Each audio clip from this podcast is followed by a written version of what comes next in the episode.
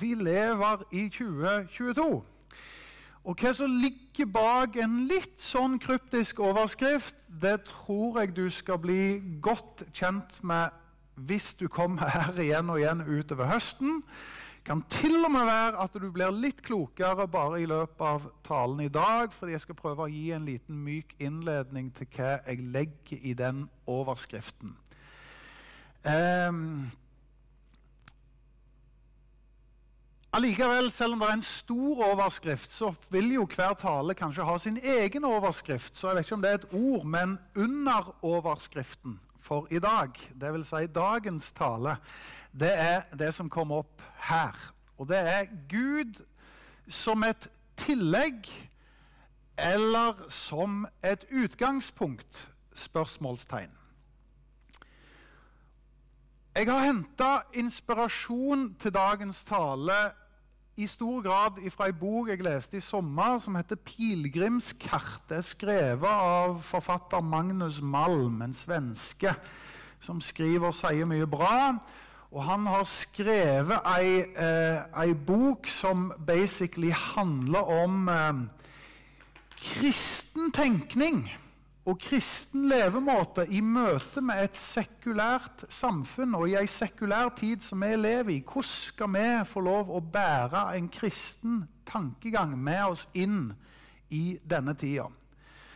Og da, eh, selv om jeg vet ikke om Han jo han bruker nok kanskje det uttrykket òg, så jeg lurer på om til og med overskriften er stjålet fra den boka. Det er er Gud et utgangspunkt, eller er Gud et tillegg i måten vi tenker og leve livene våre på. Så Da leser jeg to skriftavsnitt som setter ting litt i et perspektiv. og Det er fra Kolosserbrev kapittel 1, vers 15-17. Her står det Han er den usynlige Guds bilde. Den førstefødte før alt det skapte. For i Han har alt blitt skapt, i himmelen og på jorden det synlige og det usynlige. Troner og herskere, makter og åndskrefter. Alt er skapt ved Han og til Han. Han er før alt, og i Han blir alt holdt sammen. Salme 90 bekrefter noe av det samme. Før fjellene ble født, før jorden og verden ble til, fra evighet til evighet er du Gud. Spørsmålet er altså er Gud et utgangspunkt, eller er Gud bare et lite tillegg? Det høres kanskje selvsagt ut, og jeg skal prøve å forklare hva er forskjellen på det å ha Gud som utgangspunkt eller ha Gud som et tillegg i livet. For jeg tror det er en fare i en sekulær tid. Jeg skal forklare mer om hva sekulær tid er, og sekularisering og alt dette her skal vi liksom komme innom i løpet av høsten. Men i en sånn tid som vi lever i nå, så er det en fare for at selv vi kristne lever egentlig et ganske sekulært liv. Men så inviterer vi bare Gud med sånn, som et tillegg, som en liten bonus, inn i et ellers sekulært liv. Kanskje jeg skal klare å utfordre oss til å se hva det betyr å ha Gud som utgangspunkt for alt. For dette verset som vi leste her, det er ganske tydelig på at Gud ikke er et tillegg, men han står bak alt. Han er utgangspunktet for alt. Vi skal prøve å se noe hva som er forskjellen på det. Og som sagt, Jeg er inspirert av den boka, og da skal jeg låne en annen påstand fra den boka før jeg taler min egen tale. og det er at Magnus Malm sier at grunnleggende så mener han at det fins egentlig bare to måter å se verden på. Og måten du ser verden på, vil bestemme hvordan du tenker og hvordan du lever livet. Og Da tar han utgangspunkt i de aller første ordene som står i Bibelen. Og det vet vi at oss som har lest Første Mosebok, så tipper jeg du kan huske at det står disse to ordene i begynnelsen. Det er sånn Bibelen starter. Men så er spørsmålet lever du og tenker du og tilnærmer du deg ser du, Har du et verdensbilde ut ifra et samtidsperspektiv, et sekulært perspektiv, et materieperspektiv, eller har du fra et gudperspektiv? Og nå skal jeg forklare litt hva forskjellen er. Han mener jo da på at det å se verden med øyne av at i begynnelsen var materie, det er sånn denne verden, sekulære verden ser det. Det vil si at utgangspunktet for alt det er at i begynnelsen var materie. Ting som vi ser rundt oss, kan ta og føle på, selv vi som mennesker, ja, det er et resultat av tid og av tilfeldigheter. Og så er det litt ulike forklaringer på hvordan det har skjedd. Det er big bang, det er kanskje prosess, det er evolusjon, det er ting over tid. Og så har ting blitt til, og så er meg og deg et resultat av tid og tilfeldighet. I et sånt et verdensbilde så er det jo egentlig ikke noe mening. Altså, det er jo ikke noen som har lagd en mening. Hvis ting er til av tid og tilfeldigheter, så er jo egentlig vår oppgave da i stor grad å prøve å finne en mening. Prøve å skape en eller annen mening. Den andre tilnærmingen det er at vi nærmer oss det sånn som Bibelen sier. fordi at I første Mosebok kapittel 1 så står det i begynnelsen Ikke så var materie, men i begynnelsen skapte Gud himmel og jord. Det er en annen tilnærming. Og I de neste versene, når du ser i første Mosebok kapittel 1 og vers 1 og utover, så vil du se en åtte-ti ganger så står dette begrepet 'Gud sa', og så skjedde det. Det vil si at Utgangspunktet for alt det var Gud sjøl, som sa og som skapte. Det var ikke bare tid og tilfeldighet. Men det var Gud som var utgangspunktet. Når du tar opp den nytestamentlige skapelsesberetningen som står i Johannesevangeliet i kapittel 1 og vers 1, så står det ganske likt, men allikevel med litt andre ord. I begynnelsen var Ordet. Ordet var hos Gud, og ordet var Gud. Han var i begynnelsen hos Gud. Uten Han har ikke noe blitt til av alt det som har blitt til. Altså Enten du går til Det gamle testamentet eller til Det nye testamentet, så ser du at Bibelens utgangspunkt er at det er en Gud som står bak. Og Så er det spørsmålet på hvilken måte blir dette så annerledes, da? Fordi at jeg tror det er en fare for at vi kan leve våre liv ganske så likt de som, det som er samtidskulturen, eller det som er den sekulære tilstanden i verden nå. Fordi at når en leter etter mening, når en er egentlig en tilfeldighet, ja, så søker en jo å finne en eller annen mening. Så i et sekulært liv så handler det om å ja, få mat og klær, og det handler om å ta seg jobb og utdanning, og det handler om å eh, få seg opplevelser, og det handler om å skape meningsfulle liv. Og så tror ikke jeg at det ser egentlig så veldig annerledes ut å være en kristen. Vi søker mye av det samme. Vi står opp til en ny dag, og vi får mat på bordet, og vi jobber for å få penger, og vi søker opplevelser, vi søker relasjoner og trygghet. Og så kan en liksom tenke ja, men er det så veldig forskjellig å ha en materietilnærming og ha en Gud-tilnærming? Og Det er da jeg sier at, det da jeg tror at det er radikale følger om du omfavner den ene eller den andre måten å se verden på. Radikale følgene er bl.a. dette. Det er at Hvis Gud er utgangspunktet, ikke bare et tillegg, men Gud er utgangspunktet, ja, så er Gud eieren. Det er ikke sånn at Gud bare har en slags tilskuerplass til våre liv så inviterer vi han inn når det passer sånn. Men det er egentlig vi som er eiere og sjefen i dette. For det er den materietilnærmingen eh, til livet. Det er det at vi er eierne. Og i den grad du vil eh, ha litt sånn kristentro, så kan du invitere med Gud som et slags tillegg til livet. Nei, utgangspunktet, Hvis Gud er den som står bak, så er han òg den som er eieren av denne verden her. Jorden og det som fyller den, hører Herren til. Verden, de som bor der, er hans. Og Det er veldig stor forskjell på å ha Gud som en slags tilskuerplass til våre liv, og så inviterer vi han inn. Han, vi kan gi en slags VIP-adgang som en supporter til mitt liv. Så kan han av og til få en tilgang enn hvis Gud er kapteinen eller treneren, eller Gud er utgangspunktet for den som legger og designer livet. Den andre følgen av det, det er at mening det å ha meningsfulle liv det er ikke noe vi skal finne og oppdage sjøl, men det er noe som er gitt. Hvis Gud er utgangspunktet, så har han allerede definert ting som er meningsfullt.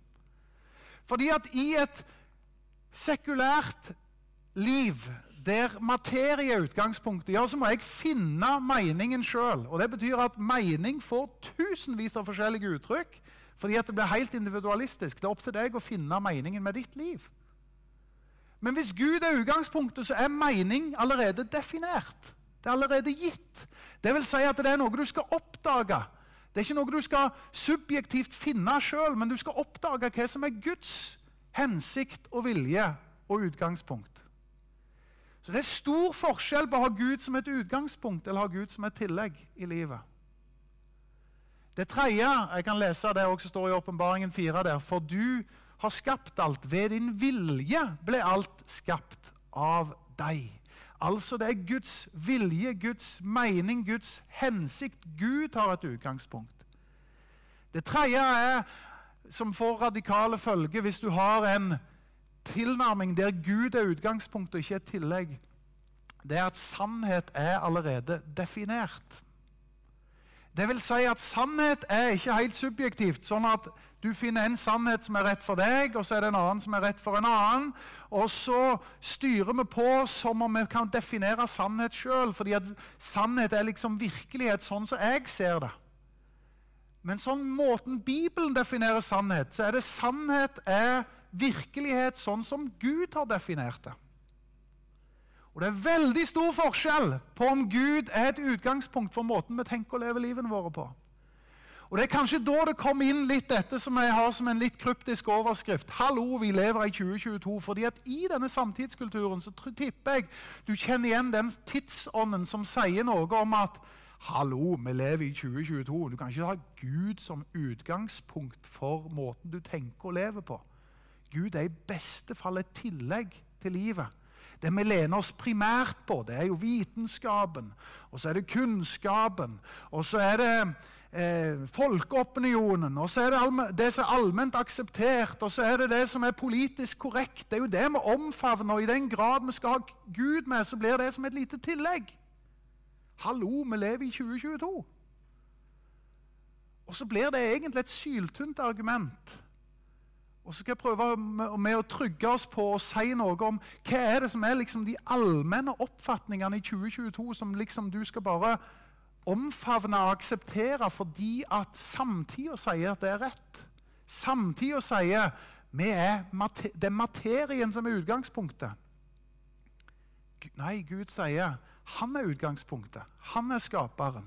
Han er den som står bak. Og Det påvirker måten vi tenker på, lever på, måten vi søker mening, definerer sannhet. Meningshorisonten er gitt ifra Gud sjøl. Et eksempel som kanskje forklarer dette godt ut ifra Bibelen, det er historien fra Jesaja kapittel 44. Og Jeg skal også lese straks Jesaja 29. Men jeg leser fra Jesaja 44 og fra vers 14. Her står det om mennesket at han hogger ned sedertre og tar ut sypress og eik. Han lar det bli sterkt blant trærne i skogen. Han planter en furu og regnet får den til å vokse. Så skal det bli til brensel for mennesket, for noe av det vil han ta og varme seg på. Ja, han tenner det, og han baker brød med det. Sannelig, han lager også en avgud, og av det tilber han det. Han gjør et uomskåret bilde og faller ned for det. Halvparten av det, brenselet, brenner han på ilden. Men over den andre halvparten lager han til kjøtt, og han spiser det. Han sier alt er godt. Han steker og en stek og, og blir mett av det. Han varmer seg også og sier, 'Å, jeg har blitt varm. Jeg har sett ilden. Alt er godt.' Resten av det gjør han til en avgud, til sitt utskårne bilde. Han faller ned for det å tilbe og ber til det og sier, 'Utfri meg, for du er min Gud'. Her tegner Jesaja et tidløst bilde av et arbeidende menneske som lever i 2022. Og Hva er det et tidløst menneske, et arbeidende menneske i 2022 gjør? Jo, vi planter trær, vi vanner, vi dyrker, vi jobber, vi får mat på bordet, vi sier alt er godt. Og hvis det er noe igjen av i tillegg, så kan vi kanskje gi plass til Gud. Gud blir lett et tillegg i et ellers sekulært liv. Jesaja 29 så refereres det egentlig til Jeremia 18. For Jeremia 18 så er det en del av dere som kjenner en historie som handler om leiren i pottemakerens hånd. Og så Her står det referert til det. Skal ikke pottemakeren settes høyere enn leiren? Kan verket si om håndverkeren? Han har ikke lagd meg, og kar om pottemakeren. Han forstår meg ikke. Her sier altså Jesaja noe om at uh, av og til så gjør vi motsatt. Vi tar ting i motsatt rekkefølge. Vi setter karet i sentrum, og pottemakeren er et, i beste fall et tillegg. Nei, utgangspunktet for måten vi lever livene våre på, skal være tilbedelse av Gud. Gud er utgangspunktet, ikke bare et nødvendig lite tillegg. Og da kommer jeg til det som for meg blir et slags nøkkelvers i dag. fordi at Ordspråkene forteller noe om visdom, og her står det frykten for Herren er opphavet til visdom, og kjenne den hellige er forstand. Frykt for Herren er mer verdifullt enn rikdom. Altså Her står det rett og slett om det å Det som er opphavet til visdom, og det er å frykte Herren. Jeg vet ikke om du har grubla på hva er ordet visdom, men visdom er egentlig å se sammenhenger.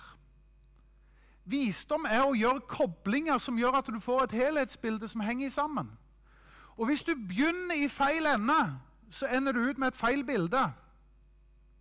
Det vil si at frykten for Herren er utgangspunktet for visdom.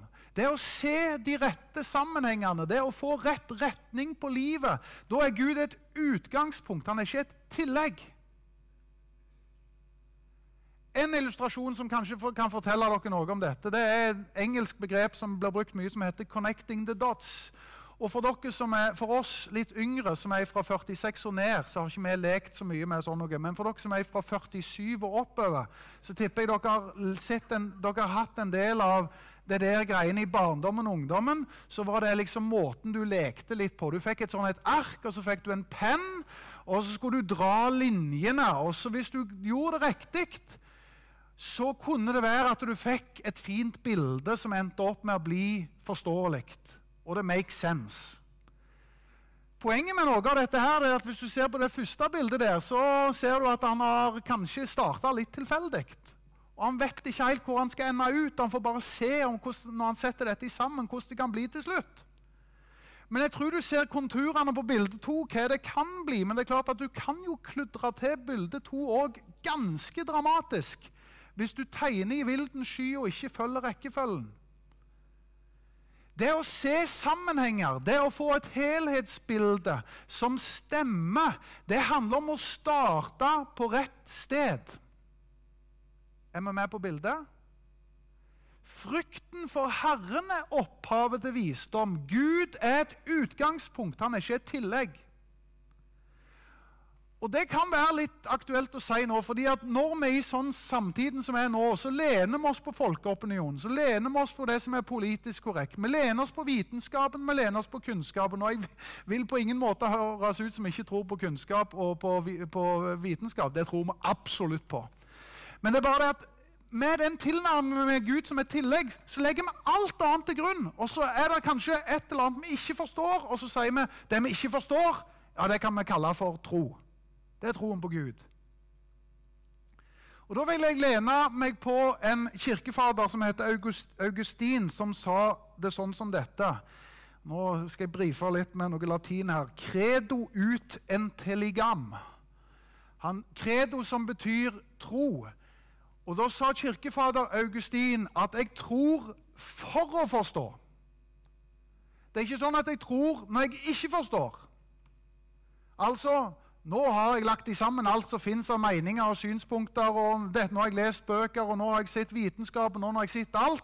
Nå er materien utgangspunktet, så er det sånn nei, men det er noen kunnskap, det er noe jeg ikke forstår. Det, det, det lener jeg på tro. Kirkefader Augustin snudde det på hodet og sier det, nei, jeg tror for å forstå. Altså Skal du få et rett bilde, så må Gud være utgangspunktet.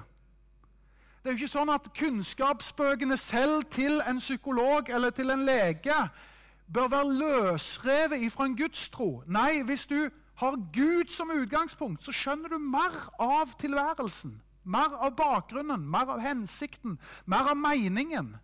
Du får bildet til å gå opp. Det får en helhet. Du ser sammenhenger. Det blir en visdom.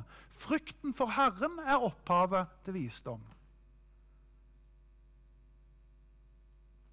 Jeg føler det begynner å gå litt inn hos oss. Da kommer vi til noen greske ord som gjør at jeg skal slå et slag for å være ortodokse. Så i dag introduserer jeg noe helt nytt. Nå må dere holde dere fast. Vi bør være en ortodoks pinsemenighet. Hva er ortodoks? Ortodoks betyr den rette lære, den rette etikk, den rette moral, de rette dogmer og så er det noen som har stjålet og, og, og, lagt monopol på det, som heter Den ortodokse kirke. Og jeg eh, vil berolige dere med at jeg ikke er nødvendigvis en stor fan og, og, drar oss den veien der. Men det er jo ikke så veldig gale å søke den rette lære, den rette tro, den rette dogme, den rette moral. Nå tror jeg at Den ortodokse kirke kanskje eh, har stivna litt i formene og stivna i sannhetene. og Det sier Bibelen er ganske farlig når vi stivner i sannhetene og lager monopol på det og sier vi har skjønt og ingen andre har skjønt, og en kan ikke være i bevegelse. Og Alt det som er rett lære, det skal også ha et liv. Altså, det er ikke sånn at bokstaven bare gir liv. Nei, bokstaven og ånden er sammen. og Derfor har jeg bringt inn det ordet ortopraksi. Det handler om når det som vi tror på, òg overføres til liv. Det blir, lære blir til liv. Og for noen som ønsker å ha Gud som et utgangspunkt, ikke som et tillegg, så kom jeg egentlig til konklusjonen av talen min, og det er å slå et slag for Guds eget ord. For Guds ord er sannhet. Guds ord, er utgangspunktet. Det er startpunktet for måten vi forstår og tenker og tilnærmer oss livet på. Det er ikke sånn at vi legger det som et tillegg hvis det passer oss. Nei, det er utgangspunktet. Og Det er jo denne kombinasjonen Jesus var en mester på.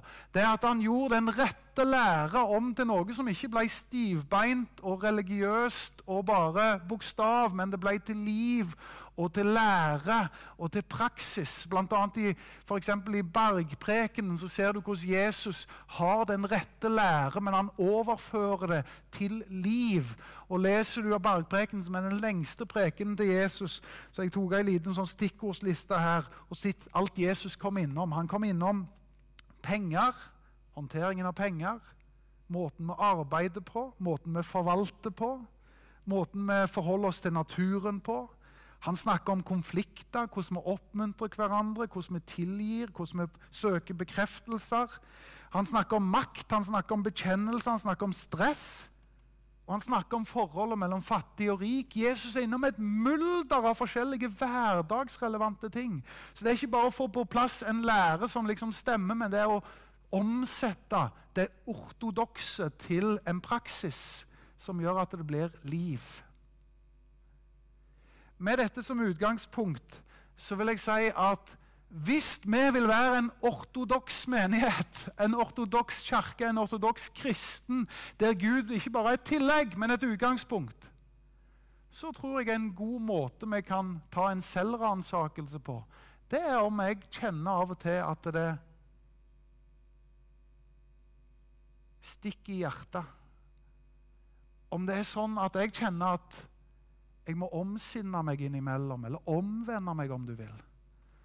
Fordi at Det som er samtidskulturen når Gud blir bare et tillegg, så blir Gud en som bare bekrefter oss. Han blir ikke en som gir oss retning. Det er altså Hvis jeg er utgangspunktet, min mening, mine holdninger, min tro, mine overbevisninger, så er Gud interessant så lenge han kan bekrefte meg. Men Gud er ikke, Gud er jo ikke bare en tilskuer som klapper oss på skulderen når vi lever sånn som vi tenker og vil. Det er jo i den grad vi forholder oss til Guds ord og til Guds praksis, til ortodoksi og til ortopraksis, at Gud kommer og ja, bekrefter oss, men kommer òg og korrigerer oss.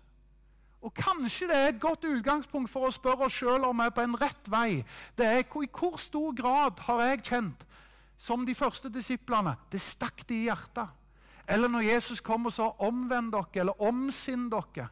Hvor mange ganger har jeg lagt ned ting og sagt at 'oi, nå tror jeg jeg tenker litt feil'. Nå er jeg på ville veier. Nå går jeg litt i egen, egen kraft her. Nå er Gud bare et tillegg, og jeg er sjøl utgangspunktet for alt. Og så er Gud bare et tillegg. Hvis Gud er utgangspunktet, så er han den som òg gir oss retning. Jeg syns det er nærliggende i avslutningen her å minne oss på at det å følge Jesus, det kalles for veien. De første kristne ble kalt for veien. Det var noe de la ut på. og Til og med så kaller Jesus det for den smale sti. Og den smale sti skal vi ikke gjøre så smal og trang og så eh, si, lite interessant at det er ingen som vil gå på den. For det går an, å, går an å bli så trangsynt i måten vi gjør på at den smale sti blir smalere enn han trenger å være. Den smale sti er Jesus Kristus, hans ord. Det er Gud som utgangspunkt for tro, liv og lære.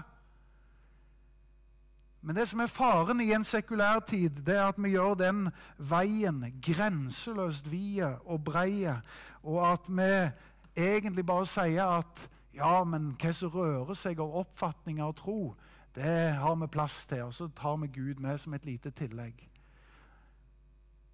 En av eh, de jeg jobbet en del med for ganske mange år siden, han lagde både en sang og jeg tror han skrev eh, ei bok òg om ordet som holder deg på sporet. Og Det er vel egentlig det som er bottom line og konklusjonen når vi nå skal nærme oss en høst herrene, og si 'hallo, vi lever i 2022'. Vel, da er det ikke samtidskulturen som er utgangspunktet, men det er Gud som er utgangspunktet. Det er Hans ord som er utgangspunktet. Ordet holder oss på sporet. Jesus spiste ordet. Han leste ordet, han siterte ordet, han elsket ordet. Ordet var utgangspunkt for livet. Ordet er utgangspunkt for våre liv. For måten vi skal tenke og leve og nærme oss denne verden på. Gud er ikke et tillegg. Gud er et utgangspunkt. Det siste jeg skal si her, det hadde jeg faktisk ikke tenkt jeg skulle si, men jeg tror jeg nevner det likevel. Det blir faktisk det siste òg. Det er noe om at jeg har sjøl vært en av de som har brukt uttrykket at eh, kristne forenes ikke av det perifere, men av det sentrale. Det betyr at vi kan samarbeide og anerkjenne kristne i alle leirer. fordi at det er ikke det perifere som er med å definere oss som troende. Det er det sentrale. Hva er det sentrale? Det er korset. Det er Jesus. Det er frelsen. Det er nåden. Det er det sentrale i troen som forener oss. Og midt i at jeg tror at det er helt sant, så tror jeg det er faktisk ganske viktig å si at uh, det er ikke sånn at det ikke finnes noen grenser. Så selv om det sentrale definerer oss, så er det ikke sånn at det er grenseløst. Det er samme hvem vi tror på, det er samme hvem vi omfavner. Fordi at i en tid der det er så mange ting vi kan omfavne av oppfatninger og trossystemer, så er det òg Det er ikke grenseløst, den kristne troen. Av, hvis det, det, blir sånn at det er ingen grense lenger, så har jo troen mista sitt innhold. Da blir det jo dvask, da blir det jo, da blir det ullent, da blir det jo tro hva du vil. Og så har du Gud som et lite tillegg. Nei, det fins noe som heter ortodoksi. Det er noe som er en rett lære. Det er en rett tro. Det er en rett. Og så skal ikke vi bli så farisere at vi sier vi er de eneste som har skjønt, og det er ingen andre som har skjønt noen ting, og du må komme på Betel, for det er den eneste plassen vi har den rette lære. Så eh, kall det sekteriske vil vi ikke være. Men vi vil si at vi vil søke Guds ord, fordi at det er rettesnoren for tro, liv og lære. Gud som et utgangspunkt, ikke som et tillegg. I Jesu navn. Amen.